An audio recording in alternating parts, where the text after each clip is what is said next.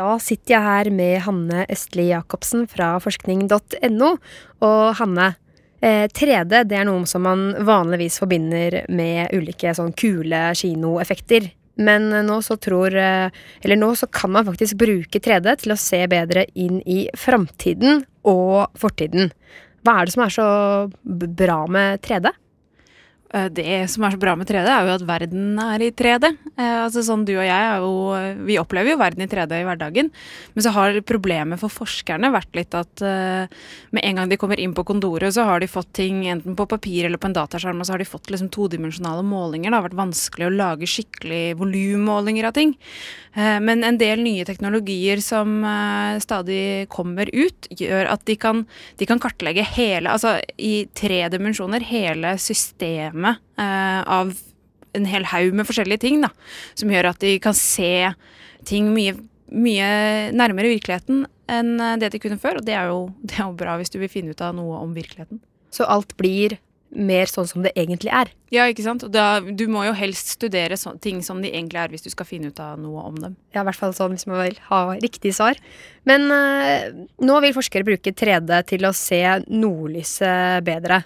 Bare først, hvorfor, hvorfor, trenger de å se Vi ser jo nordlyset ganske godt, uh, vi. Hvorfor trenger de å se det bedre? Nordlyset det er jo kult, det ser jo vi jo som et fargespill, men nordlyset dannes jo av elektriske partikler oppi atmosfæren, i det som heter ionosfæren, som er ganske langt oppi atmosfæren. Uh, der kommer det masse partikler inn fra sola som er lada med elektrisk spenning.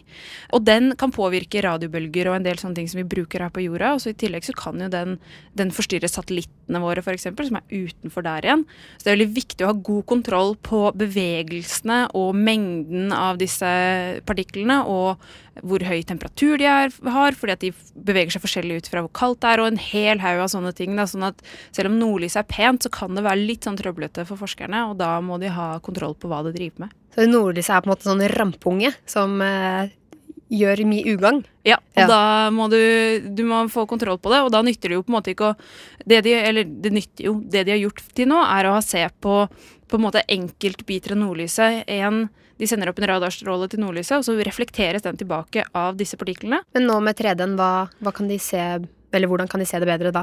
Altså Forskjellen er at når du med det ene punktet får en linje, så, så, er jo det på en måte som å se et punkt heller enn et helt landskap. Uh, og så vil de gjerne sveipe over himmelen for å lage liksom hele den brede himmelhvelving-kartleggingen. Uh, Men da må du flytte Uh, flytte en radar veldig fort, det er veldig vanskelig å gjøre. Uh, og som alle som har sett nordlys vet, så beveger det seg jo veldig fort. Så du kan ikke bruke et par minutter på å snu en radar. Så det de gjør, er å sende ut veldig mange signaler fra veldig, veldig, veldig mange radarer. 30 000 radarer fordelt over et helt uh, et sånt stort felt. da. Uh, og sammen kan disse signalene sette sammen til ett stort tredimensjonalt sånn volumfelt, som kartlegger da uh, avstanden til disse partiklene og temperaturene og høydene og alt sånne ting mye bedre enn den der ene stråla ned til det ene radarpunktet kan gjøre. Så det vil være en kjempefordel når de skal prøve å finne ut av f.eks. For hvilke forstyrrelser som man kan få i, i uh, kontakten med satellittene til Viasat, f.eks. Åh, sånn at vi får se bra TV hele tiden? Helt sikker på at du ikke får atmosfæriske forstyrringer på, på den siste fotballkampen. Ja, Men 3D det kan også hjelpe forskere å bli klokere på fortiden. Hvordan bruker de 3D-en da?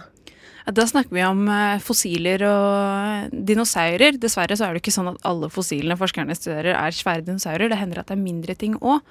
Men hvis du tenker deg et fossil, vanligvis så ser vi det helt flatt. Som et sånn der avtrykk i steinen. Som man nesten kanskje ikke ser først, hvis man ikke har greie på det. Nei, ikke sant. Det er jo bare, det er bare en sånn sjattering i steinen. Men for en, en forsker så kan de se at dette her er jo faktisk det hulrommet som ble laget av kroppen til dyret som blei fossilisert, eller planten, eller hva det var. Og en kropp er jo 3D. Den er jo ikke flat. Uh, sånn at det forskerne da kan gjøre, er at de finner en stein uh, og skanner den og, og, skjønner at det er en fossil inni der.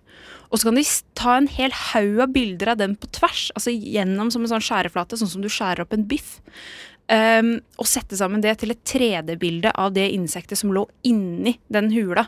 Så da får du konturene på utsiden, som gir liksom eh, Som om du lagde en, en gipsavstøpning av den kroppen, da, bortsett fra at det er litt dumt å helle gips i et fossil, for da blir det jo ødelagt.